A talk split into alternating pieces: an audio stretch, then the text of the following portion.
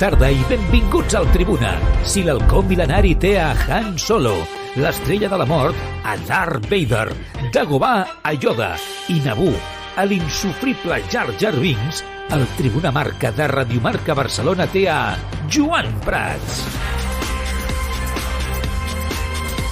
Què tal, com esteu? Molt bona tarda. Benvinguts un dia més al Tribuna Marca. Sergi Roberto, Marcos Alonso, Rafinha, Dembélé i Busquets. Els cinc jugadors que el cos tècnic apunta com els jugadors que van estar lluny del seu rendiment a Milà i que no van complir amb el que estava preparat als entrenaments. Un cop revisat el partit, el cos tècnic li ha quedat pitjor sensació que les declaracions o les sensacions que van tenir al finalitzar el partit molt influenciats per les decisions arbitrals. Xavi creu que especialment Rafinha no va entendre el que se li demanava i que no va aplicar l'entrenat prèviament en una posició completament nova pel brasiler.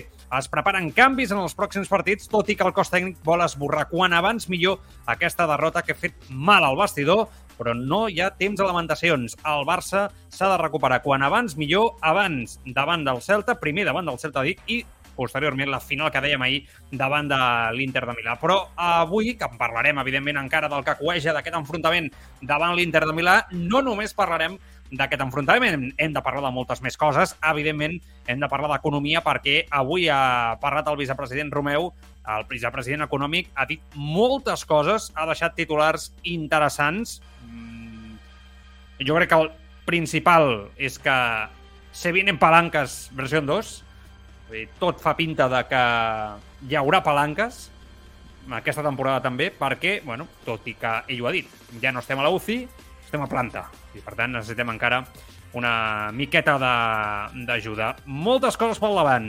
Una hora de programa pel davant. Amb el Carlos Rojas. Carlos, què tal? Bona tarda, com estàs? ¿Qué tal? Buena tarde. Tot bé? Bueno. Sí, sí, sí. Hoy un día de, mucho, de mucho análisis, ¿eh? por lo que, por lo que vemos, ¿no? Con el Barça. Eh, yo creo que tocaba esta rueda de prensa, ¿no? Este análisis para que la gente, después de unos meses, ya que la pelota ha echado a rodar, sepa un poco dónde queda el club, ¿no? Todo esto es algo que pedíamos desde hace tiempo y que creo que, que tiene sentido. Totalment. Escoltarem a Luis Rubiales. Va parlar ahir al partidazo de Copa i de Ràdio Marca. Va tornar a deixar titulars, sota el meu punt de vista, sorprenents. Mm, A mi no m'agrada que m'aixequi la camisa. No sé vosaltres, a mi no m'agrada que em prenguin el pèl a la vida, en general. I, I veig que en el futbol els dirigents es pensen que la resta som, eh, som babaus. Després la- l'acabem d'escoltar. Atenció a dos noms, a Frenkie de Jong, que podria passar a ser central, no ho descarta Xavi Hernández, el cos tècnic, de fet, de fet prepara eh, canvis en aquesta demarcació i provatures davant de les baixes que té pel davant. I atenció Condé. I diríem que és l'única bona notícia. Dic atenció Condé perquè mm, sembla que la seva recuperació va pel bon camí. Fins i tot hi ha qui no ho descarta per l'Inter de Milà.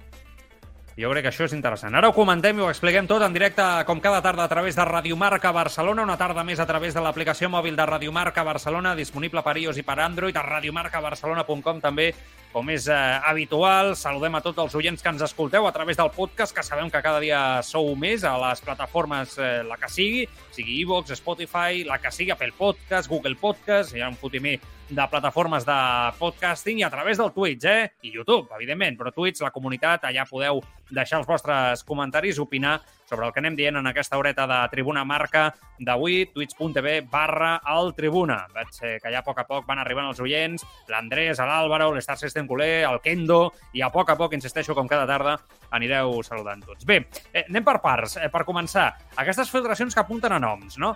Eh, bueno, aquestes coses mai saps al final si, si són o t'arriben del tot, eh, no? del tot cert, perquè el missatge és el joc del telèfon, saps? Quan va passant per diferents protagonistes eh, es va, es va modificant. La veritat és que nosaltres no hem tingut accés a aquesta, a aquesta informació tan detallada, per tant, tampoc us ho podem confirmar, però, bueno, Sergi Roberto, Marcos Alonso, Rafinha, Dembélé i Busquets. Bé, sí, eh, potser Marcos Alonso no va fer el que li va demanar Xavi, no ho sé, no sé el que li va demanar Xavi. En el cas de Sergi Ro- Roberto, mira que jo i crec que tots, no? Ens hem desesperat a les últimes temporades amb Sergi Roberto, especialment al lateral dret, però crec que si el poses de central no és culpa seva. De fet, a la segona meitat, quan va jugar de lateral, ho va fer prou bé. El cas de Rafinha em passa el mateix, el poses en una posició que no és la seva i, per tant, si ell no ha entès el que volies explicar-li o com ho havia de fer, em sembla molt bé, però està debutant el Josep Meazza en una posició que no ha jugat en Sevilla, ni Bielsa es va atrevir mai a posar-lo per l'esquerra i menys en un vèrtex central per l'esquerra, perquè tema de Dembélé, ok, ja m'agrada que el cos tècnic el senyali. El tema de Busquets, bueno, ja està bé també que el cos tècnic s'adoni que segurament amb Busquets a Europa, com a pivot, no és suficient. Bueno, son, cinco nombres, Carlos, pero yo te podría dar otros y principalmente lo que me gustaría que se filtrara es que el cuerpo técnico cree que se, se equivocó con el planteamiento ante el Inter. Ahí es donde, donde iba a ir yo, ¿no? Sobre todo cuando comentabas el tema de Rafinha. Yo, algo que ayer apuntamos aquí es que es una posición en la que no se encuentra cómodo. Evidentemente estoy seguro que la ha entrenado Xavi que ha y que ha insistido mucho para que él esté ¿no? en, en condiciones para jugar y desempeñar un buen papel en una posición, más que una posición, en un rol que no suele, que no suele protagonizar o no suele jugar, pero está claro que el entrenador también tiene parte de culpa. Es decir, eh, está claro que si que el jugador no rinde, ¿no? Por mucho que haya repasado los conceptos con él y parece que lo haya entendido, tú apuestes con él, por él el día importante y te falle, hay algo de culpa del rendimiento del jugador, pero a lo mejor el, entrenador tampoco lo ha planteado bien, ¿no? También es un error de base, no un error solo de aplicación. Eh, otros futbolistas, bueno, Marcos Alonso, ya lo hemos ido comentando eh, durante, la, durante la temporada. Si realmente tú confías en la irrupción de, de Valde, pues vas a muerte con Valde, ¿no? Vas a muerte con, con otro jugador que en este caso esté despuntando en esta posición. Marcos Alonso, evidentemente, era más indicado para el tipo de sistema, pero es un futbolista como aquel que dice que, es que, se- que- que ha llegado aquí, pues de casualidad, ¿no? Y a pesar de que el Barça lo quería, pero en las Mm. condiciones en las que ha llegado y que su rol, al menos en este inicio de temporada, es bastante complicado de definir. Yo no sé si con tres partidos jugados le puedes pedir a Marcos Alonso que integre en un sistema nuevo, ¿no? Que se integre y que juegue y que desempeñe un papel importante Pero- y clave. Es complicado. Para mí está muy claro ¿eh? lo que es Marcos Alonso como, como jugador y dónde jugar. ¿Sabes lo que quiero decir? O sea, eh, a mí lo que me sorprende es que ahora se comente que Marcos Alonso, ¿qué tenía que hacer? Mm, eh, ¿Encarar en el uno contra uno y cargarse a los laterales de desbordar en ese aspecto en uno contra uno con un, re- un regate que nunca ha tenido? O sea, no es un extremo puro, habilidoso en el uno contra uno. Entonces, bueno, no sé, eh, tendríamos que saber más, seguramente, ¿no? Estamos opinando un poco a ciegas, eh, eh, porque estas cosas al final llegan a cuenta otras, como digo, pero me sorprende. Simplemente digo que me sorprende, ¿no? Que, se les señale de esta, de esta manera. Em, vamos a ver. Anem a veure el partit davant del Celta. Es veu que el Barça no té moltes opcions. El problema es que el Barcelona está francamente mal, sobre todo en defensa, y, y que tiene muchas bajas, ¿no? Pero vamos a ver cómo juega Xavi en los próximos partidos con todo lo que viene por delante. Ayer escuchaba diferentes programas de compañeros que, que había una cierta crítica incluso al estilo ya y se señalaba de que Xavi no está afianzando el estilo. Yo no creo eso, sinceramente. Entiendo que, el- que siempre después de una derrota, patapam, salen los odiosos del estilo y del ADN Barça, y etcétera, etcétera. Y, y seguramente no hay que ser ni de un extremo ni de otro. Al final tú tienes que tener una idea que te ha hecho grande. Xavi es lo que es, cuando lo fichas sabes lo que es, lo sabemos todos. Quien diga que no, miente. Xavi va a ser y va a morir con su estilo futbolístico, pero es verdad que este año también hemos visto quizá una evolución, lo hemos dicho aquí, un, fútbol un poquito más directo, que no se centra tanto ¿no? en el centro del campo, por donde se equilibraba mucho más este ADN Barça en el, pasado. Bueno, es una evolución. Es verdad que, hombre, lleva casi un año aquí y aún el estilo 100%, como entendemos todos, con una continuidad, ¿no? Que, que sabes perfectamente a lo que va a jugar el Barça, sin eh, discusión y sin prostituirte respecto a él, yo eso aún no lo he visto. Quiero pensar que tiene mucho que ver con que eh, ha habido muchos cambios en la plantilla, con que esto ha empezado ahora de nuevo prácticamente, ¿no? Con todos los fichajes, que hay que generar automatismos, que hay que tener tiempo para, para que los jugadores entiendan ese modelo, que tienes jugadores muy jóvenes y que jugadores muy veteranos, muy señalados, están dando ya un paso, un paso atrás. Quiero pensar que es eso y, no que el cuerpo técnico tiene problemas para imponer su fútbol, ¿no? Porque sí que yo le daría la razón a esa gente que dice que está costando tener una continuidad, porque en muchos partidos sí que hemos visto que el Barça por fin ha recuperado su ADN, algo que pedíamos, por lo menos yo, desde hace, desde hace tiempo, porque esta, esta manera de jugar es la que le ha hecho grande al Barça. Yo sí creo que en el fútbol actual se puede seguir jugando así, no soy de los que piensa que no, pero hay que adaptarte también, no puede ser. Pero en verdad que tampoco jugamos a fútbol como en los años 60, pues es eso, ¿no? Quiero pensar que el otro día, Carlos, Xavi no dejó de creer en ello ni tuvo miedo en el ante el Inter de Milán, el Giuseppe Meazza, y que por eso modificó el sistema. Quiero pensar que no es así. Quiero pensar que, como él explicó en la rueda de prensa previa, había unas razones tácticas. Pero es verdad también que no sería el primer entrenador que habla mucho de una idea, muy fijo de una idea, y a la hora de la verdad, en el, en el escenario X, pues no tiene los, que diría que los bemoles para, plantear o la personalidad, ¿no? Quiero pensar que no es así. Muchas veces cuando se habla de que el del rival cuando te condiciona el planteamiento, eh, siempre hay como eh, esa connotación negativa en el sentido de que te condiciona a ser más defensivo, no tan valiente.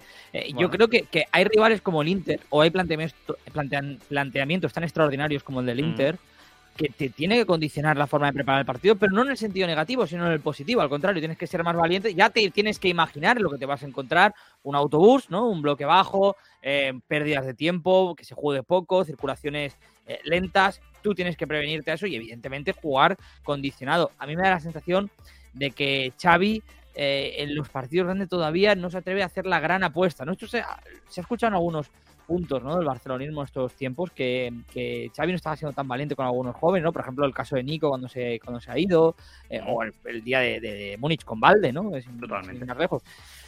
Yo creo, sinceramente, que por coherencia, en, quizá en otro equipo, si Valde fuera un jugador canterano y, no hubiera empezado bien como, o también la temporada como la ha empezado, evidentemente tendría sentido que Marcos Alonso fuera titular por, por, cómo lo has, por cómo ha venido, para qué lo has traído, por el partido que es pero tú tienes que ser coherente y tienes que ser lógico. Y yo creo que Valde, ningún momento de los minutos que ha tenido con la camiseta del Barça, la camiseta le ha venido grande. Tú le tienes que ir dando, le tienes que ir dando, le tienes que ir dando, y ya veremos si le queda grande cómo corriges, ¿no? Pero, pero si no le das ese crecimiento a Valde, por ejemplo, ¿eh? en el caso que hablamos ahora de Marcos Alonso, pues es una pena y a lo mejor el partido habría sido diferente. Y, tienes que proponer, por supuesto, soluciones eh, tácticas, al menos oye, quiero decir, todos sabemos cómo te va a jugar el Inter, lo que no puede ser el dato que tú comentabas ayer, que a mí se me quedó en la retina, ¿no? El, de que Pedri y Gaby se dieran un pase en todo el partido. Un pase en todo el partido, sí. Es, brutal. tú tienes que estar prevenido ante eso, que te van a cerrar por dentro, que te van a complicar. 70% de posesión y un pase entre, entre los jugadores que a priori deben equilibrar, ¿no? Y que deben de ser los eh, el epicentro precisamente del juego del Barcelona, ¿no? Es que yo tengo la sensación que el epicentro del juego del Barcelona es el delantero centro que es Lewandowski. En el momento que taponas ese, ese, ese epicentro que está funcionando también y que es una auténtica maravilla, no solamente por los goles, sino por lo que te da tácticamente, el equipo se cae. Y yo creo que esto es lo peligroso. Eh, muy peligroso. Es muy peligroso porque, para, lo vuelvo a decir un día más, da la sensación que si neutralizas a Lewandowski, el Barça ya no tiene alternativas, ¿no? No, no, totalmente. Y eso, en el fútbol de hoy en día, insisto. Eh... Te has silenciado el micro, Joan, sin querer. Un segundo, un segundo. Eh, por, la aplicación. Ahora. Ya está. De verdad, cosas técnicas, ¿eh? últimamente.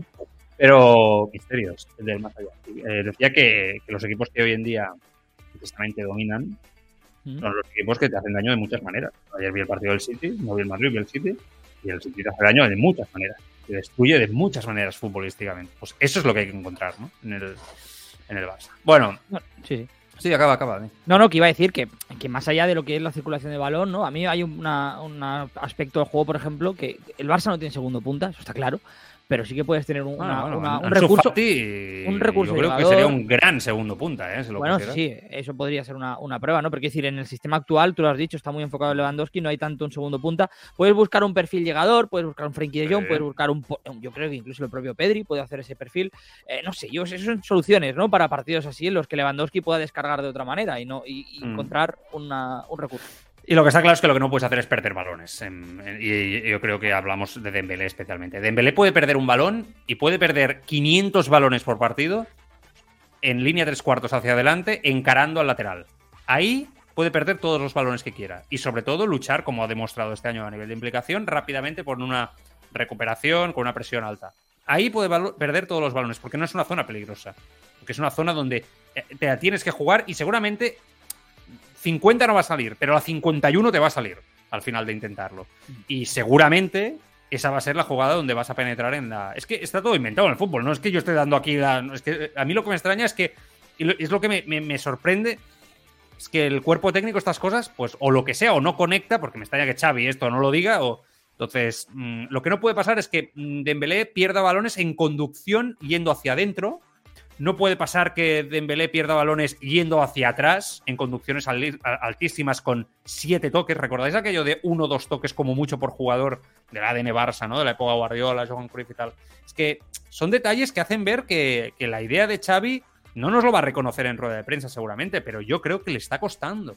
Con muchos jugadores le está costando y él está haciendo una apuesta muy grande por alguno de ellos que le cuesta.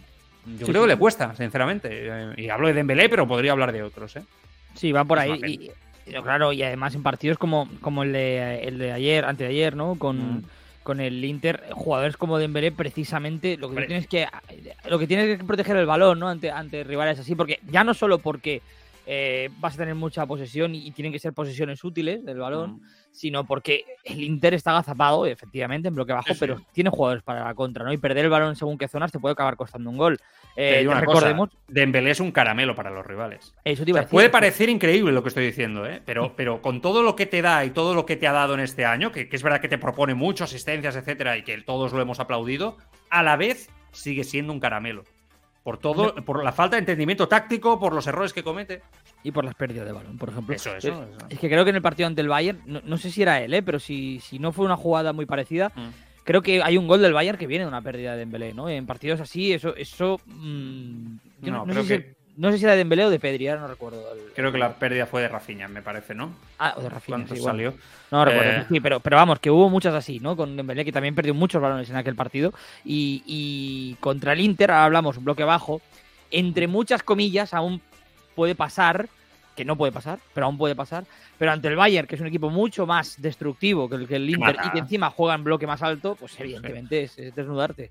Es que la, la cosa se le ha complicado mucho a este Barça, o sea, hay que ser conscientes, o sea, la, la cosa está muy difícil porque realmente el Bayern, eh, bueno, pues es un equipo que ahora mismo, si, aun con todas sus carencias, sin, sin estar al 100%, porque es la realidad, si el Barça ha bajado, yo creo que el, el Barça ha bajado un listón respecto a cómo empezó, eh, pues mm, seguramente no lo vas a ganar en el Camp Nou al Bayern de Múnich, porque el Barça lo que más le cuesta bajo mi punto de vista, yo creo que es lo que incide un poco con lo que estamos comentando, es mantener una regularidad en el juego durante 90 minutos. Es algo que ya arrastra del año pasado y ahora yo creo que está un poco incluso acentuado, ¿no? Eh, eh, hay que ir con ojo con estas cosas porque eh, un equipo como el Barcelona, y más en Europa, necesita ser completo. O sea, no, no puede tener desconexiones de 20 minutos, de 30 minutos y ir siempre a contrapié en el fútbol, porque hoy en día el fútbol un error te condena. O sea, no, no hay tiempo para más. Y dos, el Barça no tiene la superioridad futbolística que tenía en el pasado para poder hacer daño y desconectarse, porque es verdad, mira, me viene a la cabeza la época de Luis Enrique, aquel equipo se desconectaba, lo recordaréis todo. De, de hecho, más allá de la Champions que se gana, los otros años con Luis Enrique nos vamos para casa por esas desconexiones y por creerse en muchos casos que con el tridente ya era suficiente. Y esas desconexiones, eh, mu- muchas veces ese equipo las paliaba con la calidad individual de Suárez, Neymar y Messi. Estamos de acuerdo. Este equipo no tiene eso, ¿eh? O sea, este equipo tiene que trabajarse desde el conjunto, desde el trabajo serio, la implicación, la personalidad, la circulación de balón rápida, las ideas claras por parte del cuerpo técnico. Y esto es algo que no vimos el otro día. Me preocupa. Me preocupa. No, no, y, tiene que crecer mucho en ese sentido el Barça con, con balón también, ¿eh? ya no solo sin balón. Eh, Claro. Ahora comentabas el tema de las tres individualidades. Aquí el Barça te mataba en 20 minutos buenos, eh, te metía Sí, sí. tres goles o cuatro. Sí. Eh, este Barça tiene una gran individualidad que es Lewandowski, pero claro, son- no solo es menos una que tres, ¿no? Sino que las otras tres se compenetraban y se ayudaban Claro, entre sí. Esta está sola prácticamente, es la única solución. Bueno, ahora ya sin missatges, ¿eh? Os leemos a todos en los comentarios, eh, porque sé que hay bastantes y evidentemente de, esto de este tema queremos ah, opinar todos, como és normal. Informacions ràpides. Javier Miguel informa avui que el Barça va decidir no fer una reclamació oficial a la UEFA perquè creu que hi ha altres camins amb els que pressionar i protestar al màxim organisme europeu. Creu que és millor fer-ho d'una manera més informal, però dins del club està clar que el Futbol Club Barcelona ha perdut el respecte als estaments europeus. Muy de acuerdo. ¿Quién lo decía? No sé quién lo decía ayer. Ah, sí, Nacho Lavarga, mi compañero en Marca en Madrid, en una tertulia, la tertulia nacional que estaba yo, decía, es verdad que esto de hacer un comunicado del Barça a la UEFA es un poco de equipo pequeño. Yo le di la razón a Nacho, le dije, sí, tienes razón en esto que estás diciendo, la verdad, completamente cierto. Pero, pero eh, es verdad que el Barça tiene que recuperar eh, respeto, lo decía él, ¿eh? desde Madrid. Decía, el Barça es verdad que ha perdido respeto. Y que no debería ser así, pero que la UEFA se mueve así. No sé si eso puede llegar a, volvemos a lo de siempre, a incidir en un arbitraje. Quiero pensar que no. Y más ahora ya más calmados todos, ¿no? Después del partido del otro día. Pero, bueno, sí, eh, es verdad que, que cuando estaba la porta en su primera etapa, el Barça era muy respetado en Europa. Y aún así recibió arbitrajes que fueron desastrosos, ¿eh? Los recordáis todos. Pero es verdad que el Barça iba por el mundo pues siendo un equipo respetado. Y ahora mismo, con todo lo que ha pasado, Superliga, etcétera, no da esa sensación. Pero tampoco el Madrid es un club respetado por UEFA, hay que decirlo, y gana Champions. enemigos. Es que no hablamos de respeto, hablamos de, de Claro, enemigos. claro. Sí, sí. Es que, es que, lo que lo que el Barça va a hacer si se si sale, evidentemente, de cara al mundo, pues no queda bien porque Mm. en jornada 3 en Champions, ¿no? La gente se pregunta un poco, otra cosa es que fuera semi de Champions, yo entendería. Pero eh, el tema es que lo que tienen Barça, Madrid y Juventus, Mm. yo diría que la Juve un poco menos, ¿no? Está un poco más por allí perdida. Pero bueno, porque también no es un club que tenga la misma incidencia histórica Es- que, que Barça está apretando Madrid, ¿no? tanto públicamente, quizá, ¿no? Al menos públicamente. Eh, claro, Barça y Madrid ya no es que no sean respetados, es que son el enemigo a batir, ¿no? El otro día hablamos, el Madrid ganó Sí. la Champions en París, eh, yo creo que era prácticamente la máxima humillación a la, a la UEFA, ¿no? Mm. Evidentemente no va a ser fácil. En situaciones, yo no digo arbitraje, yo no creo en conspiraciones, yo no creo que Madrid y Barça van a sufrir, vayan a sufrir arbitrajes malos a propósito, pero yo creo que en situaciones de disputa, a lo mejor, ¿no? Institucional en algún momento, que te pueden dar la razón, porque tienes razón o porque te quieren ayudar porque eres un gran club, ahora pues no te van a ver con los mismos ojos, ¿no? El Madrid, cuando pide el año pasado que se repita el sorteo, ¿no? Por lo que pasó, o que Sí. no se lo dan por eso, porque yo creo que en otras circunstancias a lo mejor lo hubieran tenido en cuenta, pero al Madrid Pero- es que vamos, se ríen. Pero sí, estoy, pero sí estoy muy de acuerdo ¿eh? con lo que dicen los oyentes de que te tienes que hacer respetar. Quiero decir que una queja, aunque sea oficial, pública, haciéndote respetar un poco, como diciendo, oye, estoy aquí porque yo creo que lo peor que puedes hacer en la vida, yo hablo ya de todo, no solamente del fútbol, es bajar la cabecita, ¿no? Ante cualquier situación, en plan, bueno, machácame y yo bajo la cabeza. No, no, o sea, eh, em, y si uno te hace daño sin querer, tú quéjate también. O sea, o sea, al final, que si es un mal arbitraje puntual, quéjate públicamente y tal. Bueno, vamos a ver qué pasa, ¿no? Y qué hace el Barça y por, res, y por qué no ha decidido hacer ese comunicado. Una dada, eh? Mm, demolidora, amb el que veníem dient. El Barça només guanya aquesta temporada si marca Lewandowski en el mateix partit, autor de la meitat dels gols del Barça. Si Lewandowski no marca, el Barça no gana. Lo dicen los datos, no lo digo yo, ¿eh? Es un dato demoledor de lo que estábamos diciendo. Ahí lo dejo. Si hubiera algún debate sobre la Lewandowski dependencia, yo creo que no- es que es objetivo, literalmente, ¿no? O sea, No, no, es que la hay. Y lo que no Ya- puede ya ser la es hay, que pero ya es que datos objetivos. ahora vienes de Messi y ahora vas a caer en la Lewandowski dependencia. O sea, que es peligroso. Yo creo que ni él lo quiere. O sea, ni él estará a gusto, seguro, ¿no? Con un, Al con final, un equipo. los grandes clubes, hay, hay que decir que los grandes clubes siempre tienen dependencia de su estrella. O sea, una, dependencia nivel. sana, ¿no? No, no una dependencia extrema. Madrid. No una Madrid dependencia con- que con te haga ver, no una dependencia que te haga ver las carencias de todo el equipo. O sea, Eh, exacto. Es que, lo- bueno, en fin, no vamos a volver a hacer el debat, eh? I tema, uh, Xavi valora situar Frenkie de Jong com a central, veurem si el veiem. El tema Condé, el que av- avui s'ha dit, Javier Miguel ho ha negat, però eh, s'estava explicant que, que Condé potser arribava a l'Inter, que el cos tècnic vol que arribi segur al Clàssic i que potser arribava a l'Inter. Sembla difícil, sembla difícil, però bueno, que com a mínim el Clàssic estigui ja és molt. És veritat que el tema de De Jong com a central l'hem vist en diferents ocasions, no ho ha fet especialment bé, quan ha jugat al Barça en aquesta posició. Algú diu, ah, l'Ajax jugava allà, tal. Res a veure, res a veure en com jugava en aquell moment quan sortia endarrerit des d'aquella posició, per sistema, per, sobretot per protecció d'altres futbolistes, res a veure. Pero parece que Xavi tiene una obsesión con tener siempre a Piqué como el defensa suplente por si acaso. O sea, hoy cuando leía estas informaciones que decían esto de De Jong, estaba pensando, si es que al final va a ser De Jong el titular ahora que se va a recuperar y Piqué va a ser el central del por si acaso, como el otro día, ¿no? Con la lesión de Christensen. Es que lo de por No hay buen rollo, ¿eh? Entre Es lo que te iba a decir, el por si acaso es una forma de verlo, ¿no? También. Igual es porque no lo quiere poner ni en pintura, ¿no? Eh, Sí, sí, es que suena esto. Es que, es que Piqué, yo lo, lo dije el otro día, antes del partido contra el Inter, y lo digo hoy, ahora que ha acabado, y, y el Barça está con menos centrales todavía. Mm. Piqué, para lo que es el Inter como equipo, pensando en el partido del próximo miércoles, es un central idóneo. Porque estamos hablando de delanteros corpulentos, delanteros altos, delanteros. Mm. Vaya, que Y eso para Frenkie de Jong es durísimo. O sea, yo no. O sea, ya no hablo para los No clientes en Eric García. Yo creo que Piqué es ideal para ese tipo. Es un jugador que, que parece que es muy limpio con la salida de balón y tal, pero va a todas. Piqué es un jugador que si tiene que pegar, ¿no? Sacar los codos, los saca.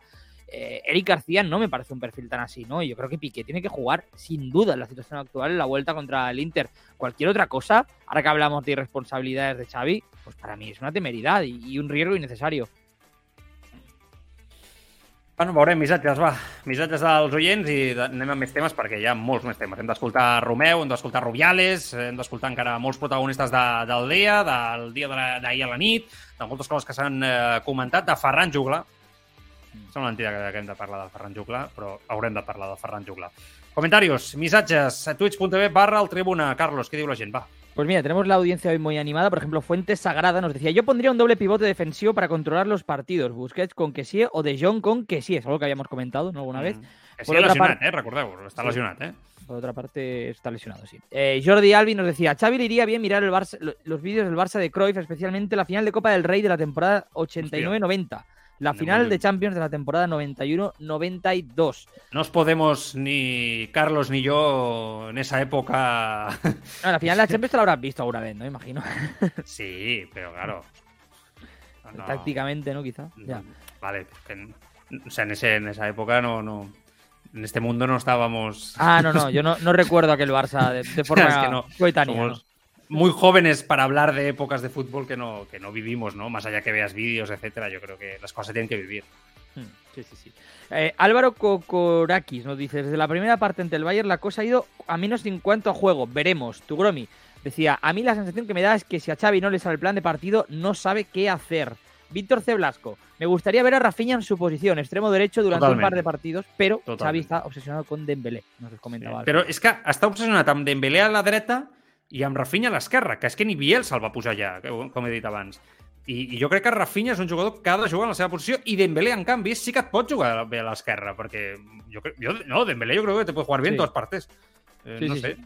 Y, y más porque, porque es ambidiestro y además marcado, ¿eh? Dembélé. Sí, sí. Es bueno con las dos piernas.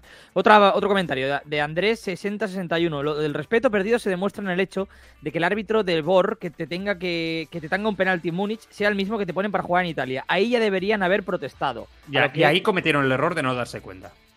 Ahí hay que decirlo todo. El club ahí se durmieron porque estas cosas son las que cuando trabajas bien en los despachos no pasan. Cuando estás atento al quite, con las orejas tiesas. ¡Ostras! El mismo árbitro del BOR, qué raro. Pero si nunca se repiten los árbitros en la sala BOR, ¿por qué nos ha tocado a nosotros? Protesta que te crió. Cambio, cambio y el Barça hace un buen trabajo. No digo que sea el culpable el Barça, pero sí que es verdad que tienes que estar atento a este tipo de cosas.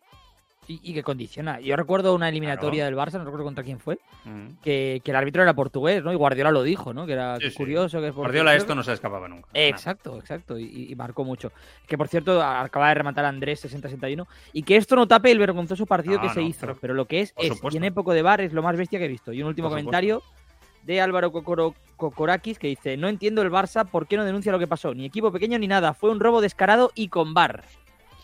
Vale, gràcies a tots, eh? Us llegim a tots, encara que no us eh, a tots y los leemos todos los mensajes. Va, eh, más, eh, más temas. Em, hay nuevas informaciones sobre esto que decimos del, del bar. Bueno, ya lo rematamos, ¿eh? Que hoy, hoy ha salido que, que el árbitro, mm, después de las manos de Ansu y el tema de, de, de Dumfries, dijo, las manos de Dumfries no son de él, son de Ansu.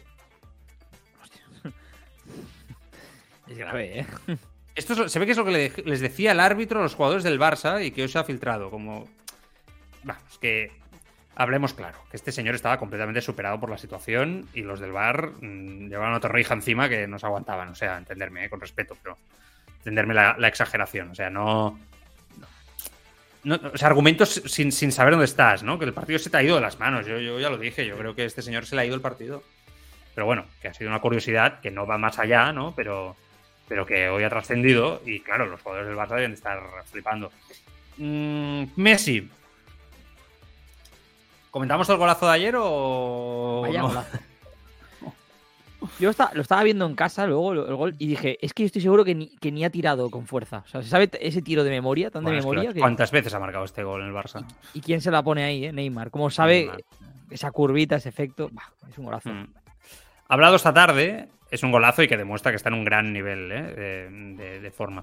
Eh, ha hablado esta tarde en la CBA americana, ha dicho que esta, Leo Messi ha confirmado esta tarde que será la última Copa del Mundo seguro, que la decisión y otras decisiones ya han sido tomadas. Declaraciones de Leo Messi esta tarde. Yo, yo no quiero decir nada. The Last Dance. Todo va indicando que este se viene otra vez. Es que va a una velocidad esto. Cuando hay una cosa ya muy decidida en el mundo del fútbol, y esto ya hablo con experiencia porque yo llevo unos añitos con esto, cuando hay una noticia, em, cuando tanta gente desmiente, sospecha. Eso para empezar. Y dos, cuando ya hay tantos indicativos por tantas partes, ¿no? De que hay algo que se puede estar haciendo, normalmente todo se acelera y el propio protagonista, aunque lo quiera evitar, no puede evitarlo.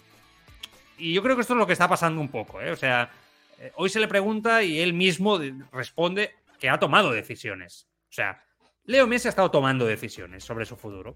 Por ejemplo, que no, que va a ser su último mundial. No teníamos que ser muy inteligentes para saberlo. Pero bueno, yo qué sé, él podía decir, pues yo sigo, no, sé. Al final el futbolista cambia de opinión, como, cualquier persona. Podía pasar, por supuesto. Y ahora ya nos está diciendo, no, he tomado decisiones recientemente. Vale, ok. Qué casualidad que cuando dices esto, tres días antes sale Verónica Brunati, que es de tu máxima confianza, y dice que el 1 de julio del 2023 va a ser jugador del Barça. Sí, sí. Ah, no sé, quizás soy yo muy mal pensado, Carlos, pero blanco y en botella, bajo mi punto de vista. Yo creo que tenemos a Messi el año que viene aquí, seguro, vamos. Sí, sí, salvo a una catombe, ¿no? En la relación Barça-Messi, yo creo que la intención por parte del Barça ya está ahí, ya desde hace tiempo además está trabajando. Es que la porta, es que al final lo que tú decías, el propio Laporta es el que públicamente no lo, lo, dijo en verano, ¿no? Que era el sueño y la idea en ese momento. Eh, Messi parece que está por la labor, eh, los problemas se, se, pueden superar, se pueden arreglar. Eh, luego está el tema de los 35 millones que tú hemos comentado más de una vez. Y, a partir de ahí yo creo que mm, poco cosa más. Te voy a decir una cosa, yo hace dos semanas dije aquí que creo que no era una buena idea el Barça fichar a Messi. ¿Estás empezando a pensar que sí? sí, por los problemas que tiene el Barça arriba y que Messi está a un nivel espectacular. Yo creo que este Messi ahora mismo en el, Barça con Lewandowski sería una bendición, seguramente. Es que nunca, nunca puedes llegar a saber realmente cómo va a salir el jugador. O sea, eh, si Messi gana el Mundial con Argentina y hace una gran temporada con el PSG y gana la Champions, imagínate, ¿qué Messi te llega? ¿Un Messi ya de retirada de las dens y a disfrutar por los campos y te condiciona o no futbolísticamente? ¿O se va a implicar al 100%? Porque Messi es muy bueno, o sea, Messi está bien, pero yo creo que el gran miedo es que condicione el proyecto actual. Y que Messi venga con una cierta desconexión por la edad, por el momento, por el todo hecho.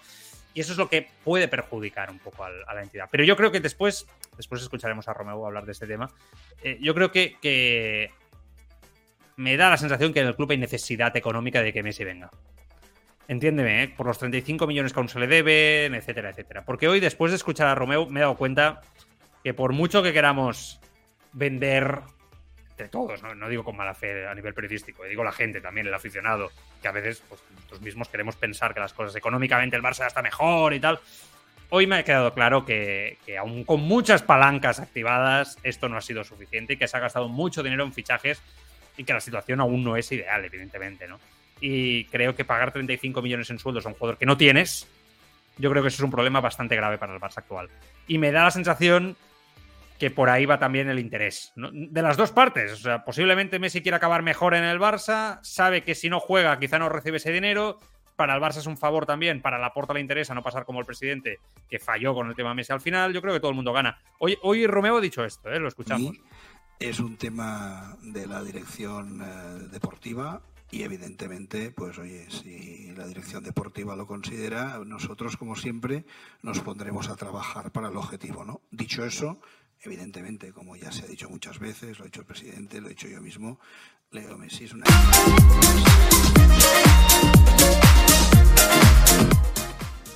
Es un activo, dice. Eh, este señor parece el presidente. O últimamente habla más que él, más que el propio Laporta. Eh, se siente a gusto, ¿eh? ¿no? no le sienta mal el micrófono. Bueno, este señor, ya recordemos que como viene al Barcelona, no hay que recordarlo todo, pero llega al Barcelona en base al aval de su jefe en la empresa donde trabaja y a partir de aquí, el, que cuando este, el señor Elías, ¿no? De Audax, lo contrata antes de llegar al Barça. Romeo solamente le pone una condición, que el día que lo petemos como empresa, me des el aval para entrar en la directiva del Barça. Y finalmente le das aval. O sea, quiero decir que este señor yo creo que es evidente que tiene aspiraciones a ser presidente del Barça. O sea, creo que no hay que ser muy inteligente para, para tenerlo claro. Pero es verdad que sale mucho, sale mucho, hoy ha sido protagonista porque es el vicepresidente económico, pero que además va a entrevistas, da la cara, explica las cosas.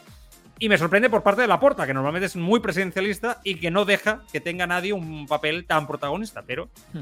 con Romeo. Una rueda de prensa, y en una rueda de prensa que además es la que, entre comillas, que también ha dicho hmm. cosas complicadas, ¿no? Se ha gustado un poco, ¿no? La que te puede gustar un poco. hemos salvado el Barça, hemos sacado la UCI, ¿no? no me desagrada como comunicador y tal. Es muy digamos, bella escola, ¿no? De la antigua escuela, pero, pero bueno. Eh, pa, què més? Eh, ah, sí, noves, aquestes informacions sobre acabar amb el tema Messi indiquen que el Barça té clar que si arriba Messi, Bernardo Silva ja no arribaria. Que una cosa trauria l'altra. ¿eh? Eso es Eso es interesante porque es el debate que estamos teniendo, ¿no? Precisamente. Eh... Si fichas a Messi por un año, con la edad que tiene, ostras, vas a decir que no a Bernardo Silva que se vuelve loco por venir y vas a tener el dinero el verano que viene para ficharlo, seguramente. Uf. Es un debate. Y, y, futbolísticamente, no, claro, aparte de lo que tú dices, eh, futbolísticamente, al final Bernardo Silva es un jugador que abarca mucho campo, ¿no? Eh, Messi es un jugador que abarca mucho campo. Mm. Mm, ya, yo creo que Messi es a, no estar fichando solo un extremo, ¿no? Messi o un, un falso de 9, ¿no? Está fichando claro. un jugador que abarca mucho campo y eso a Bernardo Silva le limita mucho. Y sobre todo que en ningún momento yo creo que ese debe ser el objetivo principal, perjudiques a, a los jóvenes, a Gaby, a Pedri. Yo creo que esta es la clave de todo esto, para mí. Y pasa con Bernardo Silva o, Messi. Porque con los otros jugadores, Rafinha, Dembélé, tal, que venga Messi no, no, me imposibilita tanto. Pero si Messi va a jugar más atrás, algo que yo creo que Xavi tiene en la cabeza, sinceramente, mmm, sobre todo no hay que frenar la progresión de Gaby Pedri, que son el futuro de este equipo. Yo creo que está clarísimo. Y más después de la lesión de, de Ansu Fati, donde parece que no está del todo bien. Bueno, ja veremos, a veure què, què acaba passant. Eh, anem a escoltar al senyor Romeu a parlar de diferents aspectes sobre l'economia del, del club. El primer parlant del que suposaria econòmicament parlant pel Barça quedar eliminat de la Champions League. Eh, li, li parlaré de fets reals. Eh, la temporada passada, com vostè ha vist, l'impacte de l'eliminació a vuitens, que de fet és el que va passar, i el no poder prosseguir tampoc a l'Europa League doncs varen suposar 12 milions de menys respecte a el que teníem previst. Perquè aquí no només contem els ingressos, lògicament que no tens, sinó també hem de comptar les despeses que no tens. Eh? I a nivell de la Lliga, nosaltres normalment el que pressupostem és ser campions de Lliga, evidentment amb el que comporta de bonus i, i costos addicionals que això té, que està pressupostat. No? Per tant, bé, si mires la correlació, l'impacte seria aproximadament no, no s'anirà gaire lluny del que ja hem tingut la temporada passada, però no es donarà, eh? també et dic que no es donarà. Quiere ser optimista, señor Romeo. Ya veremos si no se da, porque la cosa se ha puesto chunga de nariz. Ahí es lo que decíamos, ¿no? Es un poco lo que la línea que separa al economista del, del comunicador, bueno, ¿no? Este último comentario, ese mati esa coletilla. Bueno, tienes, que, tienes que vender ese optimismo un poco, ¿no? no tienes claro. que. Lo que no podemos ahora es ir transmitiendo negatividad, ¿no? Mientras el equipo esté vivo, evidente, por supuesto, pero es un palo lo del otro día. Pensaba que era más que 12 millones. Hay que, tengo que decirlo, sinceramente. Pensaba que era 20 y pico, 30 millones. Y más como se están multiplicando, ¿no? Los últimamente dos. El año pasado yo recuerdo que el Madrid ingresó mucho más que lo que ingresa normalmente un, un ganador de Champions, ¿eh? Sí, sí. No sé, no sé por qué, ¿eh? Quizás es una percepción, no sé si equivocada, ¿no? Pero, pero 12 millones, que son muchos millones, o sea, que hay que entenderme, ¿eh? Pero que tal como están las cosas, eh, bueno, no sé. Eh, hay un corte muy interesante eh, sobre el tema de la Superliga del señor eh, Romeu. Un, un, corte que yo creo que va, va a dar que hablar bastante. Parlant de la Superliga, li pregunten, possible, no, no possible, a nivell econòmic, quina és la situació del Barça respecte a la Superliga? La posició actual, la real, parla el vicepresident econòmic. No la contemplem, però evidentment qualsevol replantejament que hi hagi a nivell de Superliga seria positiu. És a dir, eh, precisament, com saben, eh, nosaltres al final doncs, eh, hem d'anar de la mà. I aquí les, les situacions eh, complicades millor doncs, eh, no, no tocar-les molt, és a dir, el que està en un procés obert segueix amb el procés obert, però la nostra voluntat, i així ho hem expressat, seria arribar a un acord satisfactori on els clubs que més generen siguin els que més reben. No?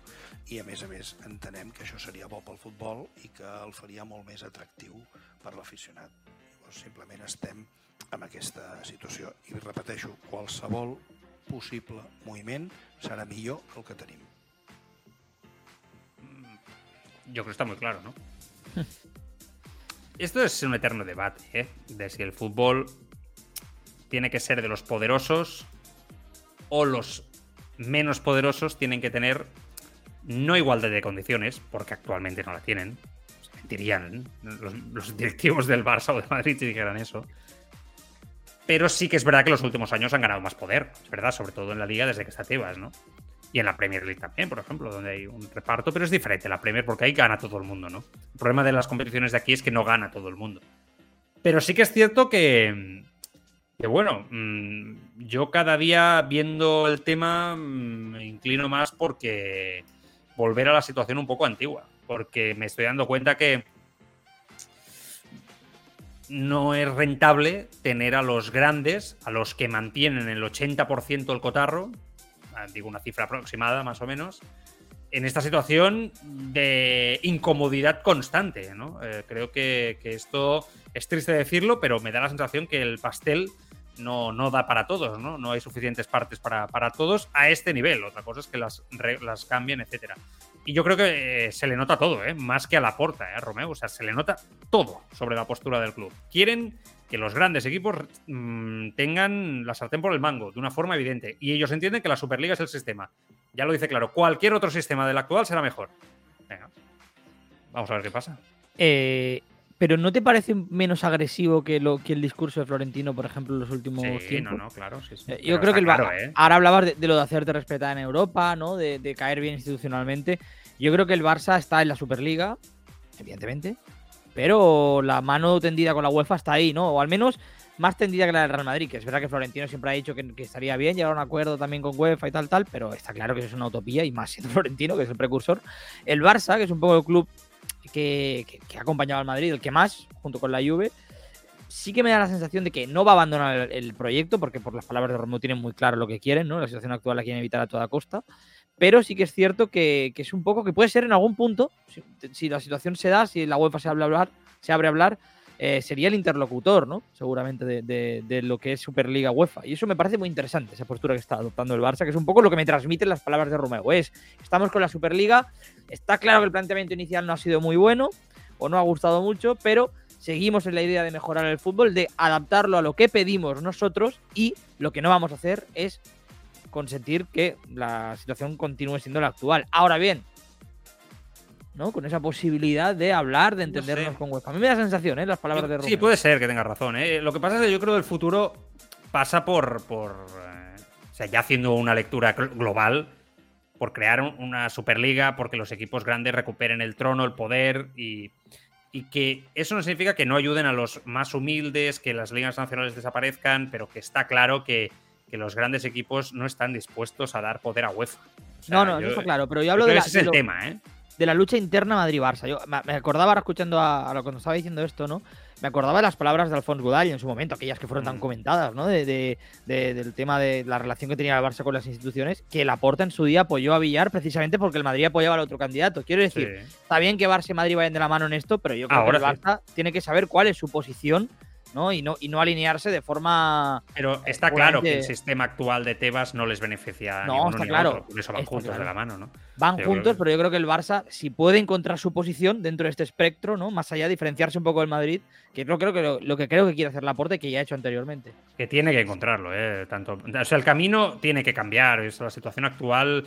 El fútbol actual está, está. Por eso escuchamos tanto a Arabia Saudita, el otro, la Supercopa, el All-Star, el no sé qué, porque se están buscando recursos económicos en todas partes, con fondos de inversión comprando partes de equipos, de clubes, bueno, comprando, entendiendo, en- entenderme, ¿eh? que entran de forma activa a gestionar, especulando absolutamente, porque hay un problema en el global. O sea, ¿verdad que no escucháis esto de la NBA o de la NFL? ¿Verdad que no lo escucháis? Porque es un estamento controlado, con un modelo de negocio que siempre va más y funciona.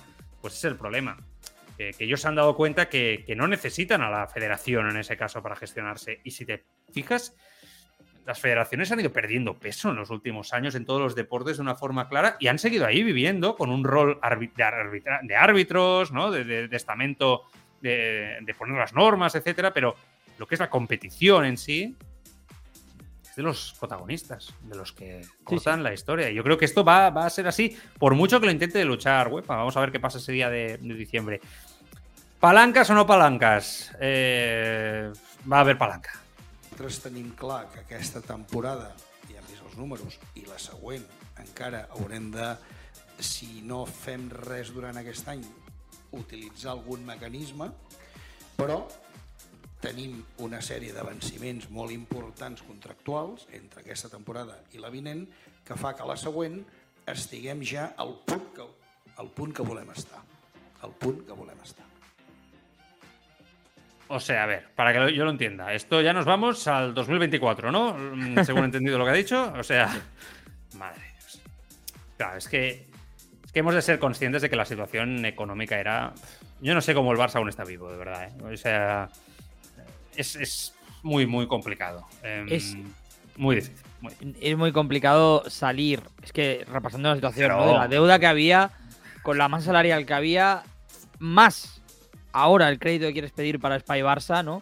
Mm. Eh, todo eso a la vez, superarlo en tres meses, es imposible. O sea, quiero decir, por mucho que se haya vendido ilusión deportivamente con los jugadores, está muy bien que han venido, que, que deportivamente al final, si, el Ba- si la pelota entra, la gente es feliz, ¿no? Pero eh, ahora diríamos que el Barça ha agitado un poco la cautelera y ahora las cosas se tienen que poner en su lugar y eso Mm. tardará un tiempo económicamente hablando. Sí, eh, es evidente que después de lo que ha dicho hoy se van a tener que activar algunas palancas, eh, venta de activos más, eh, venta de activos más el año que viene. A mí no me gusta, creo que es eh, peligroso, pero no va a quedar otra, ¿no? Yo creo que, que es lo que es lo que hay. Yo creo que ha sido muy sincero. El Barça cerró el ejercicio 21-22 con 1.017 millones de ingresos, 856 de gastos. Bueno, pues ahí está, ¿no? De momento, sin esas, eh, esa venta de activos, ciento y pico millones de pérdidas. No hace falta tampoco ser, ¿no? Eh, economista para, para ver que, que- que la situación pues, no es fácil y que la masa salarial es una auténtica barbaridad. Ahora mismo es de 656 millones. El 77% de las plantillas profesionales se llevan. El 77% del presupuesto se lo llevan las plantillas profesionales. Esto no hay quien lo aguante. Hoy ha explicado que en torno a los 450 millones ellos ya creen que se puede ser competitivo y solvente a nivel de, de club, ¿no? Pues fijaos lo que aún quedan 200 millones, lo que decíamos el otro día. O sea, es que al final lo que decíamos el otro día es lo que ha explicado hoy el señor Romeo. Y que esos 200 millones ya son Piqué, Alba, Busquets, prácticamente, ¿no? Y alguno más. Eh, es que está muy claro el problema del Barça y hacia dónde tiene que ir con la economía. Es que Busquets se vaya o que salga del club. eh, lo mismo en este aspecto con Jordi Alba y Busquets que acaba contrato y entiendo que, bueno, vamos a ver si se queda o no en otras condiciones, supongo. Pero es que está clarísimo, ¿eh? No, no. ¿Y lo de Messi qué? Ahora que hablabas de los 35 millones y tal, eso Bueno, pero encaja, yo creo que Messi, por eso Romeo dijo lo que dijo en Cataluña Radio. Le dijo aquello de gratis y tal. Porque yo creo que lo que se habla y tiene que ver con los 35 millones que le deben. Vienes un último año y cobras los 35 millones. Porque nosotros así te metemos, ¿no? Ese activo a nivel de gastos, etcétera, masa salarial, etcétera. Yo creo que va por ahí el tema. Es que si no, es imposible con esta economía. ¿Cómo vas a meter a Messi el año que viene aquí? Si es Sí, que sí, esto no, va- no, va a que no tiene explotar, ni pie ni cabeza, sí, sí, no tiene ni pie ni cabeza. Si no, no lo renovaste ya en su. Mientras Messi lo acepte, oye, mientras Messi lo acepte, eso se, se encaja. En la ingeniería, en ese movimiento, pues. Claro. Hay, hay un corte que se llama Romeo, Romeo Contrato. Este, Carlos, es exactamente el, de los el vencimientos de contratos. Vencimiento de contratos de los jugadores, ¿verdad? De esto que estamos hablando, ¿verdad? sí, De Piqué y tal. Va, anem a que, que... Si seguimos el cuadro de, de salidas, ¿no? de vencimientos de contrato, pues sí, estamos hablando ah, de estos y otros. ¿eh? Eh, Yo no particularizo, ¿no? pero efectivamente este año y el que viene, o esta temporada y la que viene, todavía tenemos unos costes salariales por encima de lo que nosotros eh, tenemos como objetivo y tenemos eh, en mente no conseguir y no será hasta la 24-25 que estemos en una situación normalizada en este sentido no evidentemente tiene mucho impacto y repito por, por toda la cuestión que viene de, de pasado no es decir tampoco tampoco es una digamos una situación buscada por nadie ni por los propios jugadores no No, no, es una mala gestión de su anterior presidente. Su diferimiento. Lo que está diciendo Claro. lo de diferimiento, ¿no? Seguramente. También, también. Pero 24 25. ¿eh? Bueno, es que es justo cuando acaba el último contrato de, de estos jugadores, que es Jordi Alba, que es el que más. eh, ¿no? Le quedan dos. Y con Piqué, que también tiene, se llama el boli, eh, tiene diferimientos y tal. O sea, es que te lo está diciendo muy claro. ¿eh? Entre diferimientos, pagos, son ellos, básicamente, ¿no? Bueno, vamos a ver. Es que al final, Joan, si te hipotecas a medio plazo, ellos tenían una, posi- una circunstancia en la que no podían afrontar en aquel momento los pagos, difirieron para poder salir del paso y ahora te lo encuentras, claro, es a medio plazo, Sí, sí. difieres a medio plazo, te lo encuentras a- al final en algún punto, ¿no? Está- ya está bien que al final solo sea 2000, solo hable de Bueno. 2024, ¿no? Porque dentro de cabe eh, podría haber sido un diferimiento mucho Aún peor. ¿no?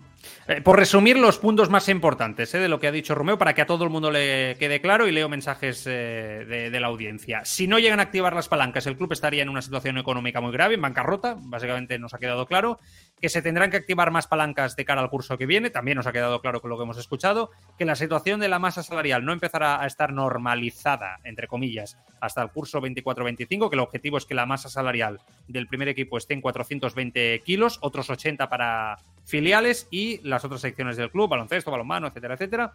La previsión se hace pensando que se ganará la liga y se llegará a cuartos de la Champions, lo hemos escuchado, también nos ha quedado claro, que la masa salarial representaba el 98% de los ingresos del club, ahora está en el 68%, eso sin contar las palancas, que son una inyección puntual, con ellas la masa sería del 51% de ingresos. Por lo tanto, ya estamos viendo que este tema es interesante, ¿eh? ya la cosa va mejorando. El Barça cierra el ejercicio, como hemos dicho, con 1.017 millones de ingresos, 856 de gastos con las palancas.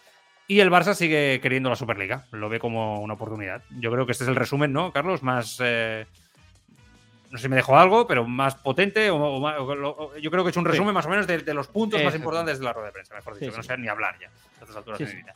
Eh, que me parece curioso ¿no? que en la misma en la misma rueda de prensa se hable de los 2024 ¿no? que tú hablabas mm. y lo de bueno si se hace una buena gestión de derechos televisivos igual lo de Sigue Street lo podemos recomprar antes yo creo que al final es eh, que está bien hay un ¿no? corte que, no de eso creo sí, sí, lo tienes arriba del todo cómo se llama este eh, el que está al lado de Guardiola en Chastío tal que habla del tema de sí, claro, recomprar, que esto es algo que Carlos incide mucho, pues se acuerda mucho, y, y es verdad que yo creo que en el entorno Barça se, se, ha olvidado un poco, que es que si al Barça le va bien, esa parte que ha vendido ¿no? de activos del club a Six Street, que el Barça se lo pueda recomprar y que por lo tanto el modelo de propiedad no, no vuelva a la, la, situación antes de las palancas.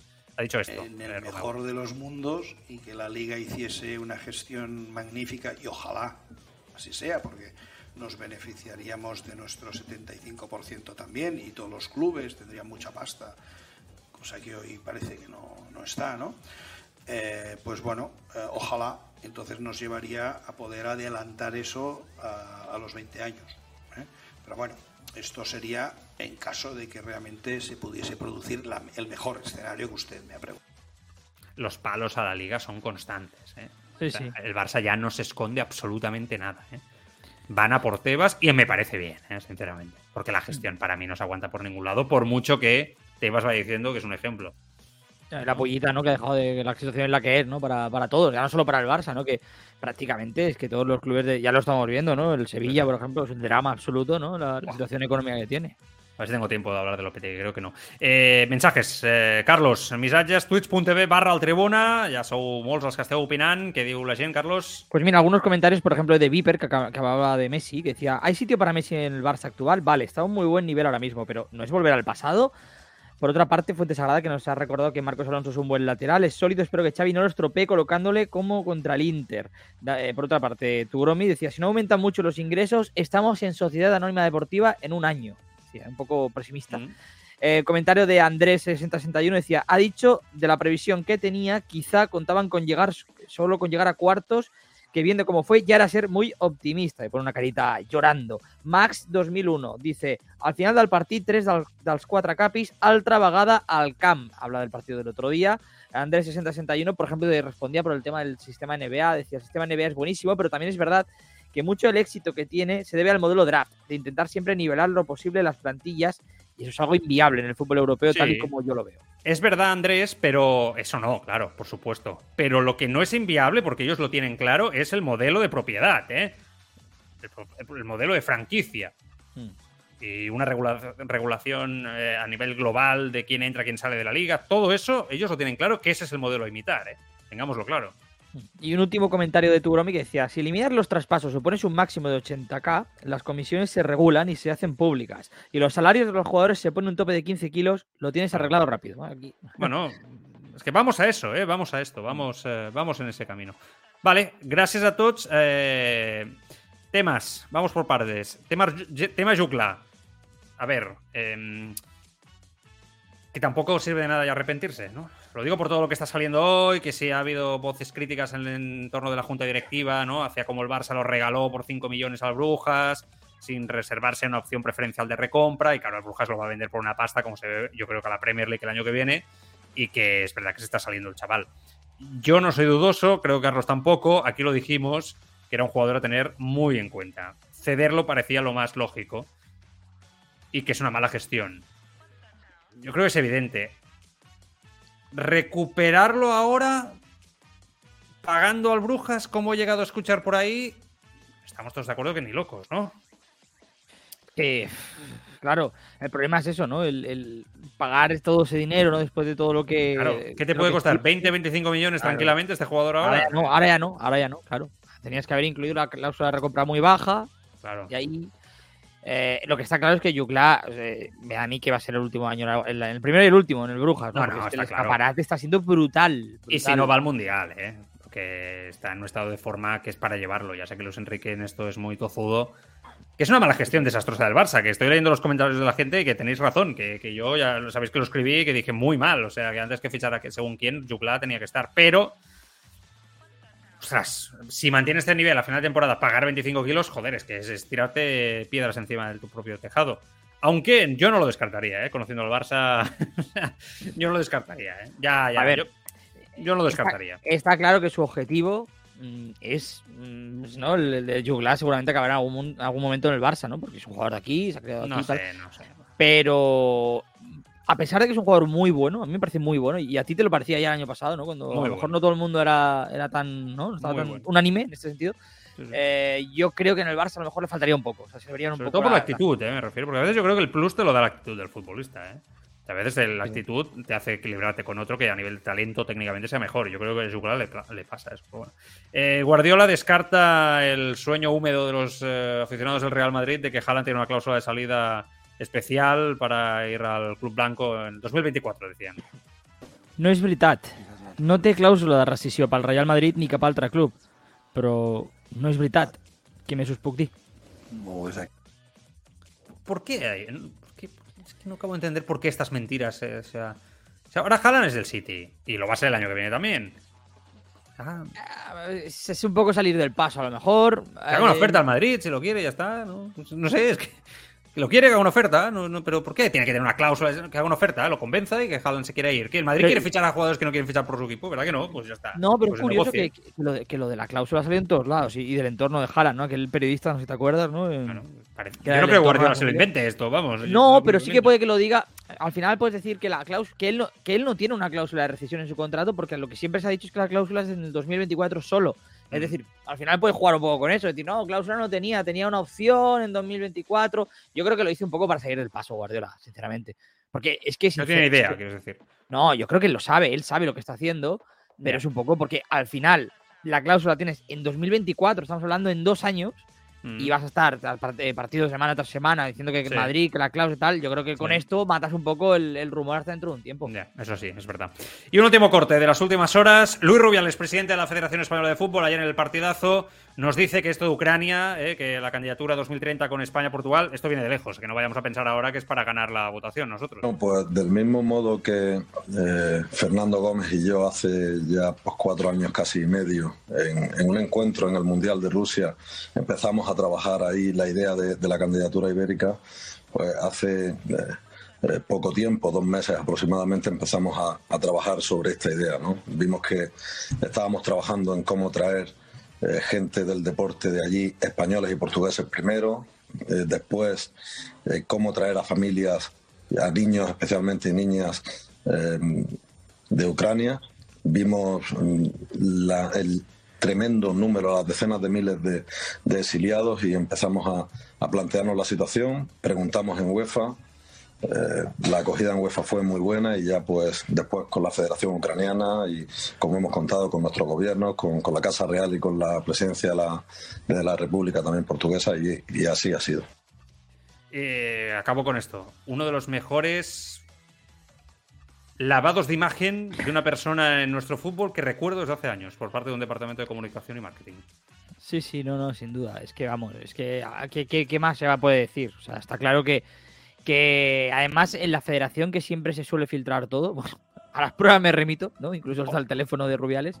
eh, decir mm, que se lleva tanto tiempo trabajando, que no sé qué. No me lo creo en absoluto. Es un recurso que tú, como dijiste el otro día, se han sacado de la manga porque han visto que lo de Argentina, de Chile iba muy bien y, y ya está. Pero, pero bueno, que está claro que Rubiales lo va a vender como todo, que siempre lo, lo vende todo en pos de la paz mundial, como la Supercopa o cuando Obama le felicitó por echar a Lopetegui, ¿no? Cosas así, que siempre un poco. A mí ya no me cuela, Carlos. No, no, a mí ya no me cuela. no se lo cree nadie.